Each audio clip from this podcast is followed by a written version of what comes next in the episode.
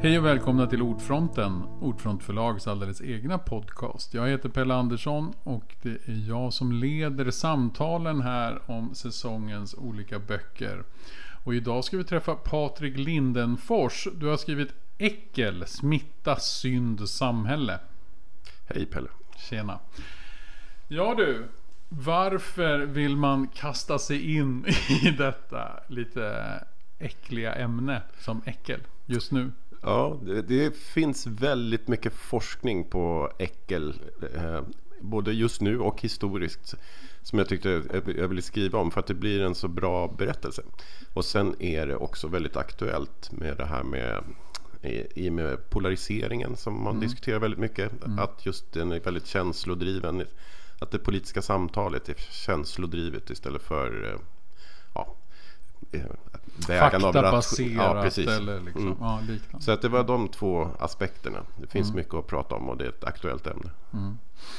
Och har du liksom liksom på något sätt stött på det här förut? Är det någonting som du har tänkt på länge? Är liksom det här med äckelet en, en grej för dig som du har varit intresserad av?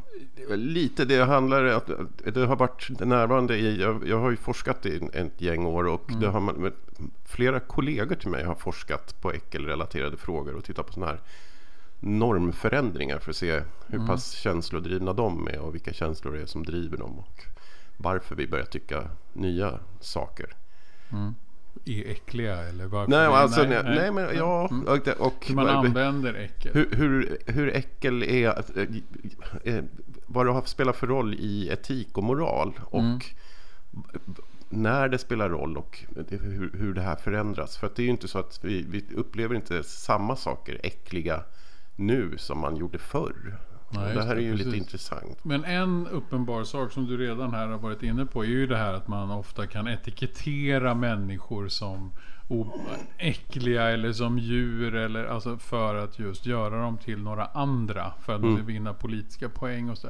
Är det någonting som också har följt oss i historien? Är det någonting som inte har uppstått med nazismen kanske på 30-talet utan har funnits tidigare också? Är det någonting vi har jobbat med? Ja, alltså um, vad ska man säga? I retoriken så finns det ju den här klassiska inslagen om att man ska ha eh, känslomässig, man ska ha patos, jag kommer inte ihåg exakt vad det heter, men man ska liksom eh, man ska inte bara argumentera utan man ska mm. röra människor och beröra människor. Mm. Eh, och det här är ju ett trick som har varit... Man vill få igång folks känslor helt ja, enkelt. Det är precis. viktigt. Ja. Det är viktigt. Om man ska få över någon på sin egen sida eller få dem mot någon annan så kan mm. man ju använda olika känslotrick kan man mm. säga. Och där är ju äckel, det hör ju dit att, att om man kan få någon att känna att äcklas inför någon annan så kan det skapa väldigt starka antipatier. Mm. Och, och det är ju gammal kunskap. Mm. Har man vetat länge. Och det har man helt enkelt jobbat med då även i tidigare, alltså i religiösa motsättningar kan man också ha använt det här? Eller? Mm. Alltså, ja. alltså det, det, ett, ett kapitel i boken det handlar just om äcklets roll i religiös moral. För att det, det är väldigt närvarande där. Det här med att man ska ha en ren själ. Och, mm. Eh, kvinnor blir orena om de har sex Precis. innan äktenskapet. Den här typen av tankar. Att det finns mycket äckelinslag i de här religiösa reglerna. Mm. Vad man får äta, vad man inte får äta och sådär. Precis. Och ibland har det använts bara, alltså, kanske också av goda skäl helt enkelt för att vi inte ska göra vissa, alltså, göra vissa saker men kanske också inte äta vissa saker av, av helt enkelt för att vi ska överleva eller må bättre eller så? Eller är det oftast används av helt andra skäl? Av typ mm. politiska skäl eller moraliska så, så skäl? Det, om man tittar på äcklets ursprung så mm. har ju den, det evolutionära ursprung, så har ju den funktionen just att mm. vi ska vi ska eh, ha, hålla en viss eh, avstånd till sånt som gör oss sjuka. Till mm. exempel sjukdom och tyvärr sjuka människor. Mm. Men också till mat som är oätlig eller som smakar illa eller sånt här. Mm. Men det finns ju en del mat som är illasmakande men som går att äta. och det finns en del mat vi inte bör äta fast det smakar bra. Så att det här att vad som man äcklas av när man äter det är inte helt smakstyrt. Nej. Utan man får lära sig väldigt mycket att, eh, vad man äter. Det är ja, väldigt... Man kan ju träna upp en massa saker. Ja, men kaffe precis. tycker man ju oftast inte är gott när man är liten. Nej, precis. Och al alkohol och ja. cigaretter och sådär. Man får jobba lite. man får ligga i. ja. ja. Så det, det, går ju att lära sig och lära sig av med äckelkänslor. Mm. De här biologiska aspekterna av äckelkänslor. Mm. Och det har ju en funktion för att vi måste, i, eftersom vi är allätare, vi människor, så måste vi orientera oss i världen och prova lite och lära, kunna lära oss av andra helt enkelt vad som är vad som är ätbart och inte ätbart. Mm. Att vi tar, tar tillvara den här kollektiva kunskapen. Mm. Ja men så, det har varit nyttigt i alla fall. Äckel är ja, ja. också en bra grej. Liksom. Det, det, fyller bara, en, ja, det, fyller en, biologisk funktion, absolut. Mm. Eh, men den här har ju sen blivit kapad då av våra kulturella inlärningar. Vi kan lära oss att kulturella företeelser är äckliga. Mm. Till exempel att äta gris om man mm. vissa eller att äta hund för den delen. Eller ko som man inte får äta ko, i vissa ja, precis, länder. Ja. precis. Mm. Och när, men när du då har studerat det, vad är det du själv tycker har varit mest intressant? Eller vad är det du vill fånga i äckel? Vad är det, på vilket sätt har du speglat äckel i din bok? Så det som jag tycker är allra mest fascinerande det är ju dels hur, hur, hur äckel är en av våra fundament för den etik och moral vi har. Mm att eh, det här med renhet och smuts spelar stor roll. Mm.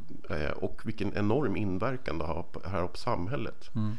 Jag hade en diskussion, jag jobbar på Naturvårdsverket nu och mm. vi hade en diskussion, en diskussion om hur man ska hantera sånt här eh, riskavfall från sjukhus. Det går ju att ta tillvara på det också, att den här plasten till exempel som man måste slänga handskar och sånt. Mm, precis.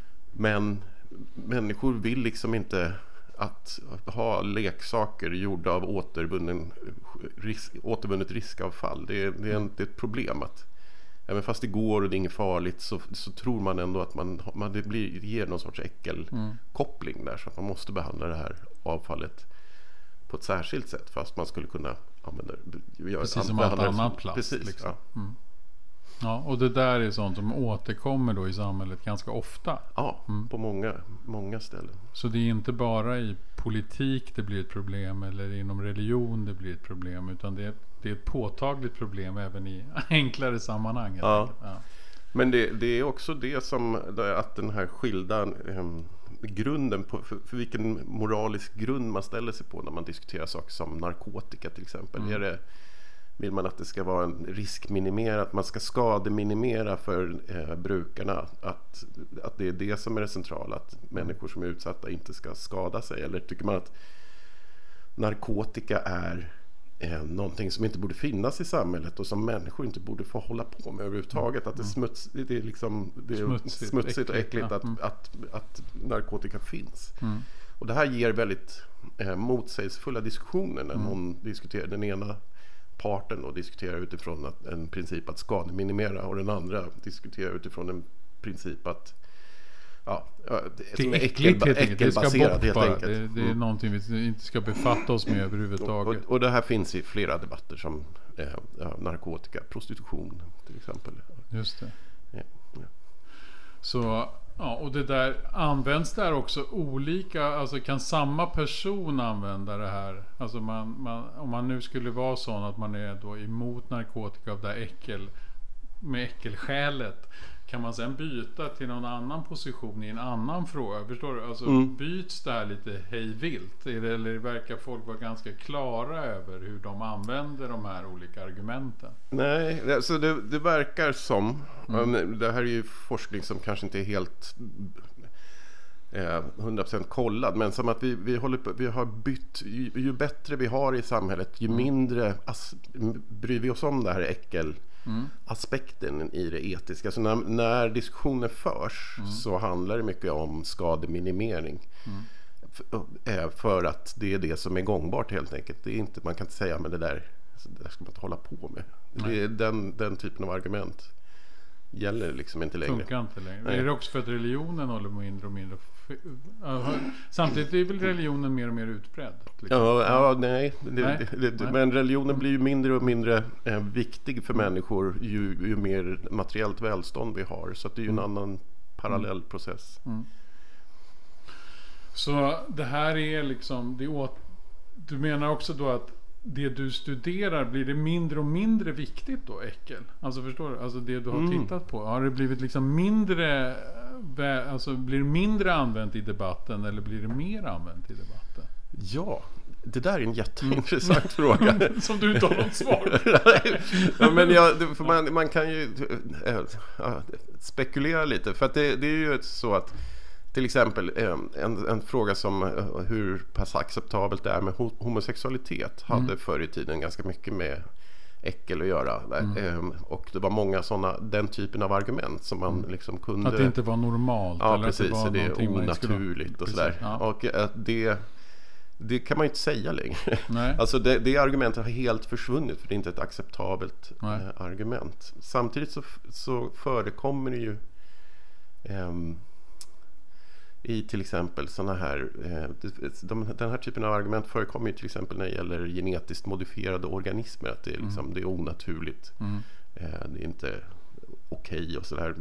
Bara rakt, rakt över brädet oavsett vad det har för faktiska effekter i, i världen. Mm.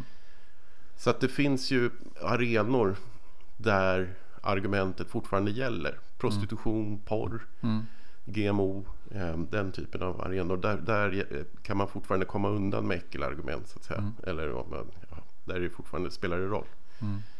Medan andra arenor som eh, ja, sex och sex innan äktenskapet, homosexualitet, den typen av frågor. Där har det där, försvunnit. där Ja. har det försvunnit. Och hur spårar man det då? Hur, hur gör man sådana här undersökningar då? Hur vet man? Är det bara att prata med folk? Ställa frågor till folk vad de tycker och tänker om det? Eller kan man se det på något annat sätt? Har man liksom, hur studerar man äckel i samhället? Ja, så det finns eh, en rad studier. Det Mm. finns såna här, det, dels finns det ju intervjustudier när man Mm. helt enkelt frågar människor vad de äcklas av och, vem, så, och tittar på om det skiljer sig mellan män och kvinnor till exempel. Eller mellan olika personlighetstyper. Mm. Och, det, och det gör det ju. Så är man lite mer äventyrlig av sig så, så äcklas man inte lika lätt. Eh, kvinnor eh, äcklas mer än män till exempel av en del sexuella saker. Mm. Eh, det finns den typen av skillnader och då kan man, det räcker ju bara att fråga då. Mm. Hur, och sen ska man ju fundera var det kommer ifrån. Om det, är- om det, det, det är kanske medfött, det kanske är inlärt. Mm. Mycket av det vi äcklas av är ju inlärt. Så det, Kan man sen följa upp det? Kan man se, alltså gör man också tester på något sätt? Eller kan man studera folk? Vad som, eller kan man skönja det i samhällsdebatten? Eller hur, hur gör man? Det går ju att eh, också göra experiment på frivilliga försökspersoner om, om att, att man sätter dem i äckelframkallande situationer. Eh, man- man kan be dem eh, till exempel hantera plastbajs, en del äcklas storligen av det här. Eh, eller eh, ja, slänga en, en använd kondom med händerna, den typen av aktiviteter. Och se vem som gör vad och hur pass äcklad man blir utav det här. Och det här kan, man kan också försöka förändra eh, människors Eh, om man äcklar människor innan en sån här situation, till exempel när vi sitter och pratar med varandra, så, så kommer jag att förhålla mig lite olika till diskussionen. För att helhetsbilden har förändrats. Det är ju det, är ju det här som, det är så man kan använda äckelkänslor också politiskt. Mm. Eh, Genom att utmåla vissa människor som äckliga helt Ja. enkelt. Ja. Eller koppla vissa beteenden till äckel. Eh, eh, till äckel. Som Donald Trump gjorde det här berömt i en disk- diskussion med, en politisk diskussion med eh, Hillary Clinton. Mm. Att hon tog en toalettpaus och han liksom noterade det här och sa att jag vill inte ens tänka på vad hon gör där inne på toaletten och sådär. Mm. Att, att det liksom, han behöver inte ens säga någonting utan Mm. låta människors fantasi spela iväg och så kan man förändra bilden av vad det är, vem hon är och så. För han går själv aldrig på toa. Nej, precis.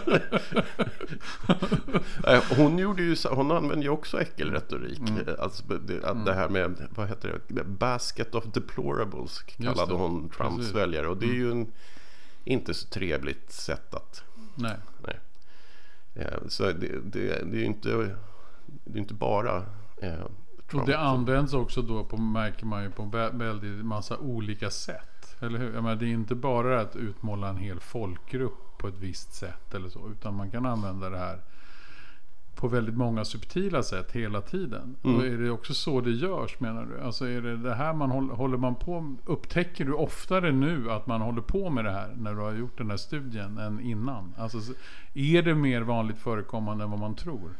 Eh, ja, jag skulle säga det. Eh, att, det, att, det, jag skulle vilja påstå att jag, jag visste inte att det var så pass väl spritt i olika diskussioner om eh, vad man får köpa och sälja och hur, vad man får, hur man får bete sig mot andra och sådär. Som det faktiskt är. Och det är den här genomgången av alla samhällsaspekter av mm. äckel mm. som jag tycker blev det riktigt intressanta i boken. Mm. Att det är där, eh, ja. Att det är på så många ställen och så på, mm. på många platser och i så många sammanhang som det här. Precis. Mm. Och i vilka sammanhang skulle du säga är det liksom Är det ändå vanligast inom politiken? Eller hittar du det på helt andra ställen? Alltså var är det man mest ser det? Eller var är det också mest funktionellt som argument att det där är äckligt, det ska du inte, dit ska du inte gå eller det där ska du inte göra. Eller? Alltså jag, jag, har, jag har ju lite fixering vid religion och mm. att religiös moral till så, så enormt hög utsträckning faktiskt baserar sig på äckeldimensionen i mm. vår moraluppfattning. Mm. tycker jag är helt fascinerande. Det finns det finns regler mot att inte äta eh, olika fåglar men det finns mm. ingen regel mot slaveri till exempel i, i Bibeln och sånt där. Det, det är ganska remarkabelt om man tänker på det. Mm. Eh, men också i många sådana här marknadsdiskussioner om vad man får sälja och, eh, av sina egna kroppsdelar till exempel. Eller vad man får göra med sin egen kropp. Mm. Det är ju omgärdat av väldigt starka eh, eh regler. Här, även när man är död så får man inte ens bli omhändertagen som man vill. jag, I Sverige har vi väldigt konservativ man kan ju lagstiftning. Sig, man kan väl i och för sig säga att ni får använda min kropp till all typ av forskning och alla medicinska försök ni kan komma på. Och så, eller hur? Ja. Man kan väl jag, för, jag har för mig att jag har gjort så. Att jag har ju sagt till, jag har lämnat till sådana här vad heter det? Efter att jag dör så har jag gett tillstånd till att använda mm, hela min kropp. Mm. Mm. Och då var, vet jag att jag pratade med min fru och jag tror att hon var väldigt så här emot att just ögonen skulle inte få användas till någonting och sådär. Och det, det är intressant om man har just för idé. Jag tänker att min kropp är död. Ja. Så de får göra precis vad man vill. Men även om min fru har samma föreställning så tänker hon ändå att just mina ögon känns jobbigt att de pillar. Och sådär. Och vad är det, det där, där är vi ju väldigt olika. Mm. Men och men... Själv har jag en hang-up på hjärnan. Jag har donerat min kropp men inte mm. hjärnan för att jag av någon anledning liksom, det är väl där jag, jag bor på något sätt. Men, ja. men den är ju död som sagt. Så att jag mm. vet inte, det är inte helt rationellt det där. Nej. Och men, du som inte heller är religiös Men då, så, då är det ju fysiska sättet för jaget. Ja. Not? Mm. Lite, mm. ja, men hur som helst. Mm. Så det, eh, vad var det jag skulle komma till? Vi pratade om jo. Jo, vad man får göra med sin kropp. Mm. Alltså du, vi får ju donera till läk, läkarstudenter till exempel som mm. får skära i oss. Eller mm. till medicinsk forskning. Eller till donera organ och sånt här. Eh, men man kan inte donera till, det finns inga body farms i Sverige. Den här som där eh, kriminaltekniker får Leka med kroppen? Typ. Ja, eller studera, ja, studera hur förruttnelseprocessen i praktiken så att säga. För det skulle jag tycka till exempel. Jag skulle gilla tanken på att bli förmultna i naturen. Absolut. Vi får inte låta oss komposteras. Nej. Eller vi kan inte eh, grävas ner i, i en, på en egen tomt. Alltså nej. det är kanske en villatomt kan man ju förstå men om man har en skogstomt till mm. exempel. Mm. Nej det får man inte. Man får inte ens ha hand om askan själv hemma i Sverige. Här i nej, Sverige. Du får inte sprida den hur som helst. Nej. nej. och det är ju bara vanlig aska. Allt miljöfarligt avskiljs vid kremeringen. Så det mm. finns inga, det är ju bara sån här det är mycket äckelrelaterad lagstiftning kring mm. den döda kroppen. Men mm. även kring den levande som jag visar i boken. Och skulle det bli en bättre diskussion om man liksom tog bort just själva äckeldiskussionen? Skulle man kunna komma fram till argumentet att aska ska ändå inte spridas om man inte använder äckelargument? Ja, alltså rent generellt så tänkte jag mig när jag började skriva den här boken att det här, ja men det, äckel är en det är inte en rationell känsla för det är, en, det är en emotion som vi bara drabbas av och den står i vägen för det kloka, den här raka, sunda förnuftet. Precis. Men det visar sig vid närmare påstående man läser forskning om det här så att eh, det, det, handlar ju mycket om att känslor och eh, alltså emotioner och tankar behövs båda tillsammans. För att det, det, det är emotioner till slut som gör att ett argument betyder någonting. Mm. Eh, att att olika etiska överträdelser är viktigare än andra mm. etiska överträdelser. Den, det är mycket känslobaserat. Vi klarar oss inte riktigt utan emotioner. Nej. Så att den slutar ju inte i någon slutsats om att vi bör ignorera våra känslor. Men inte heller i någon Disney-slutsats om att vi bara vi anammar alla känslor så blir det bra. Utan det, det, är, ju, det är ju en kombination som mm. gör oss till människor. Men tycker du att det är det så då att det ändå är fortfarande lite för mycket emotioner och känslor i debatten? Och har de ökat då som vi var inne på lite i början av samtalet? Är det så att det här ökar i samhället? Eller är det liksom, går vi mer och mer mot ett rationellt Alltså, du sa att om vi får det bättre och mer vi får det väl, mer välbeställt, vi har bättre trygghet socialt och på andra sätt. Då, då försvinner lite av den här emotions, känslomässiga debatten och äckeldebatten mm. och kan övergå i en klokare debatt. Men, men, men är det så att det också håller på att kommer tillbaks? Eller vad, hur, vad tror du? Ser du ändå ett samhälle som blir mer rationellt? Ja, ja. så att det, det, här är en diskussion som pågår. Mm. Det, här, det sägs ibland polarisering och affektiv polarisering mm. ökar. Alltså den mm. känslomässiga polariseringen. Eh, men när man tittar på det här så beror det lite på när, hur man ställer frågan. Och det finns olika studier på känslomässig polarisering som både visar att det ökar och att det inte ökar. Så det, går inte, det beror på tidsperspektivet mm. till exempel eller när, hur man ställer frågan och så. Så det finns inget entydigt svar på den frågan. Det som har hänt däremot är att vi har fått sociala medier mm. och där, kom, få, där matas vi ju med de här berättelserna hela tiden om hur världen är och små snabba ja, nyhets och propagandaförsök och sådär som filtreras just genom våra snabba emotionella överväganden mm. till en ganska stor utsträckning. Det bygger ju på det. Alltså ja. Det bygger ju på att få klick och, få, och det är känslorna som styr det där. Precis, alltså, att ja. det ska gå snabbt och att ja. det, man ska reagera med, med ja, ryggmärgen. Och man, man får ju också en massa känslor mm. när man följer Facebook. Man blir mm. glad, man blir ledsen, man får mm. en klapp på kind. Alltså allt det där som man får i en nära relation får man ju också på ja, Facebook. Så det, jag, jag, gillar, jag gillar ju det. Jag ska säga, men ja. det, samtidigt så går jag ju på de här också, desinformationen. Och, mm.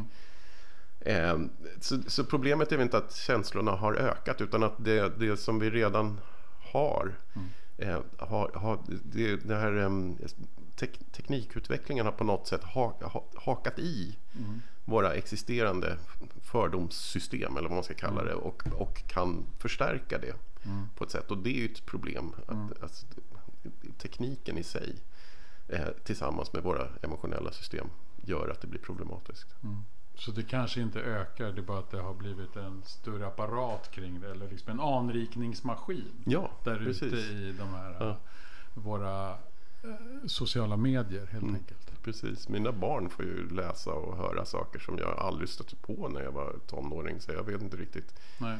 För att det upprör och någon skickar vidare och kollar på det här. Mm. och det blir, ja, För det, märker man ju även när någon sitter. Jag märker ju min son som spelar mycket dataspel och gör det socialt. Alltså mm. med andra. Det är ju aldrig, man, han, hans liksom känsloliv pumpar ju också. Man märker att han skrattar massor. Han skriker massor. Han blir rädd massor. Mm. Och det är ju någonting som man själv inte var utsatt för som ungdom. Alltså att man ja, har de inte. känslorna hela tiden påslagna. Nej, just, just det här, max, det här uppskruvade mm. läget. Att mm. det, det var kanske, man hade ju ganska kul även på vår tid. Som jag jo, absolut.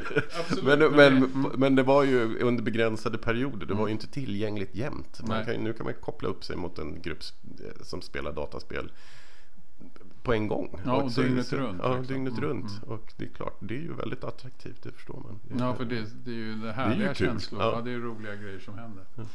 Men, men hur, då när du säger att man måste du kommer fram till att egentligen man behöver både de här känslorna och man behöver det rationella tänkandet och de går alltid hand i hand. Mm. På vilket sätt skulle du säga att du har liksom har din syn på det här förändrats eller är det också så att du ser att det händer saker i samhället? Alltså förutom det här med sociala medier. Är det annat som händer i samhället som har koppling till äckel?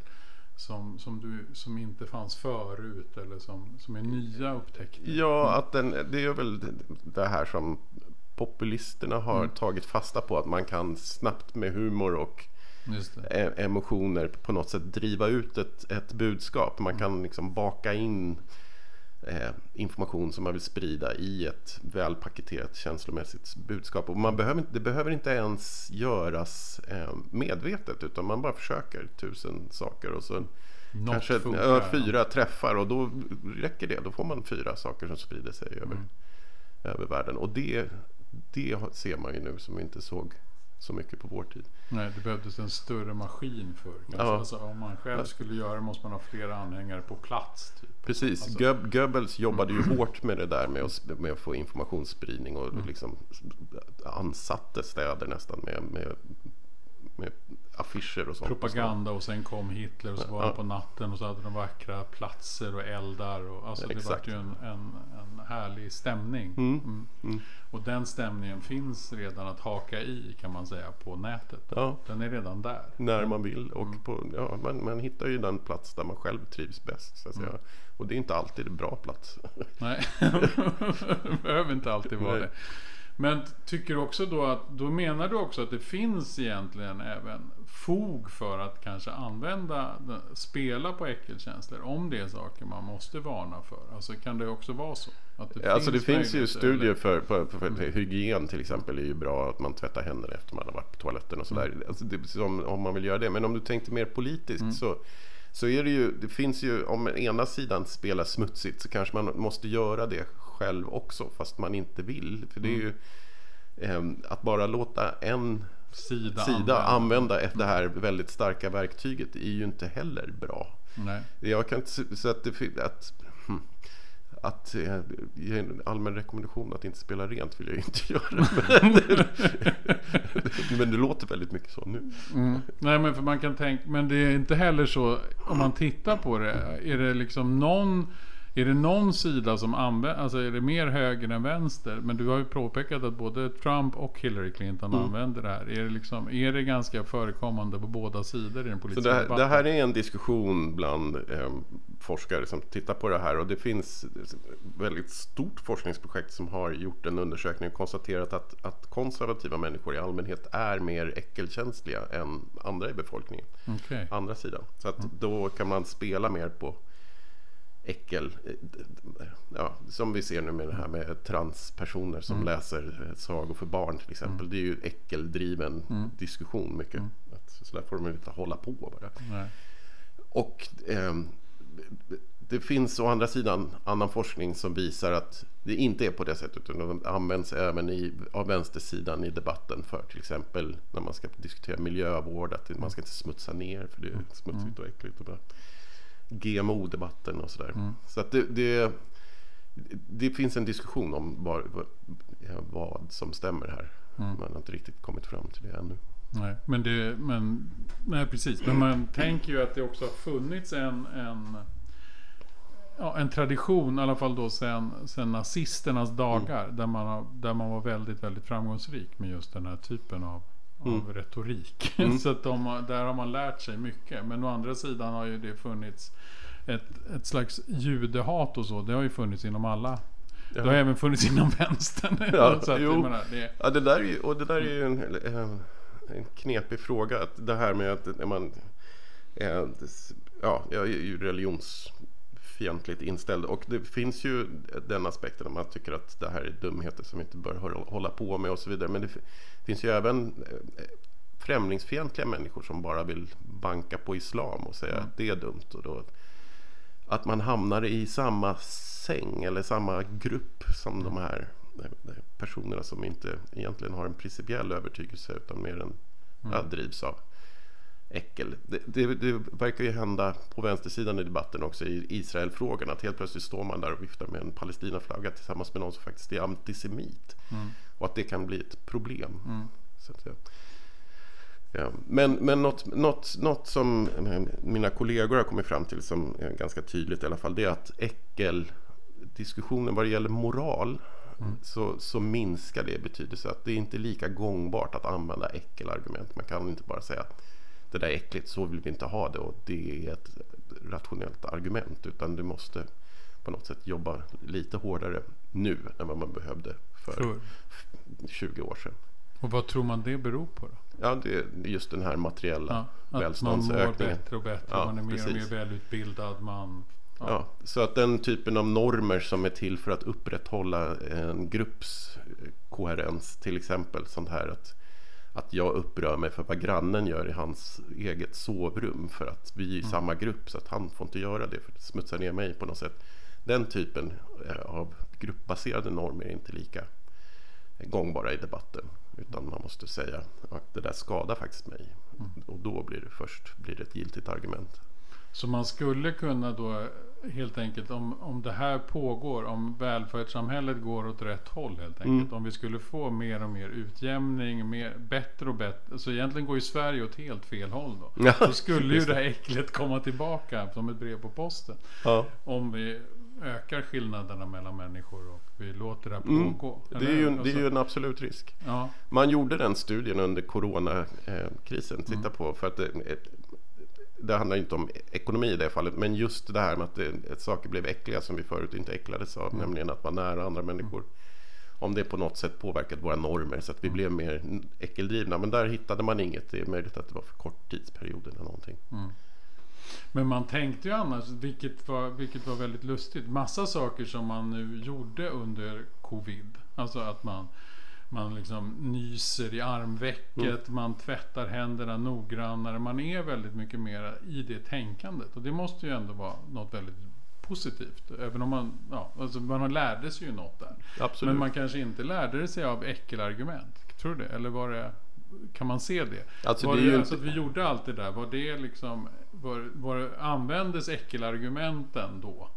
Alltså att, att, att, att, tvätta, bort, att tvätta bort bakterier ja. och, och ja. virus är ju ett äckel. Mm. Ju Men användes det också så tydligt? Eller kunde man bara säga att det är bra för hälsan? Eller sa man också det där är äckligt? Jag, jag, jag tror att det är svårt att koppla isär ja. de där två.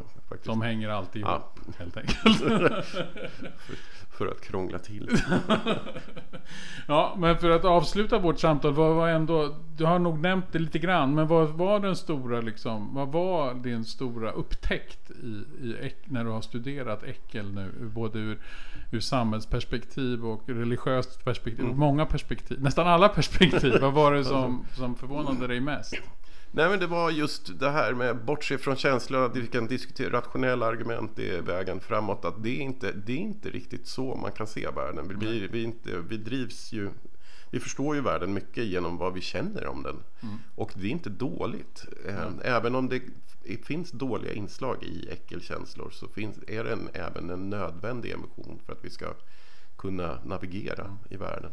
Så vi behöver både och. Ja. Det verkar som att du, du, det var samma sak med din förra bok. Att det var så arv och miljö. Det också alltid hänger ihop. Ja, just det. det visar sig alltid vara krångligt. allting hänger alltid ihop. Ja, precis. Det kanske är det jag skriver böcker om. precis. Och du träffar mitt i. Jag tycker i alla fall att det var ett asspännande att läsa Äckel. För det är ju så mycket i det här som man inte har Alltså faktiskt, det är liksom en liten, liten bråkdel som man har tänkt på. Och nu mm. fick man se den i så många, alltså äcklet i så många aspekter. Och just att man tänker så mycket med sina känslor. Vilket är intressant, att man inte kommer loss ur det där. Tack så hemskt mycket Patrik Lindefors för att tack. du kom till Ordfronten. Och tack för att du har skrivit boken Äckel, smitta, synd, samhälle. Ha det så bra. Vi återkommer med Ordfronten och nya avsnitt så småningom. Ha det så gott och tack för att ni har lyssnat. Hej då!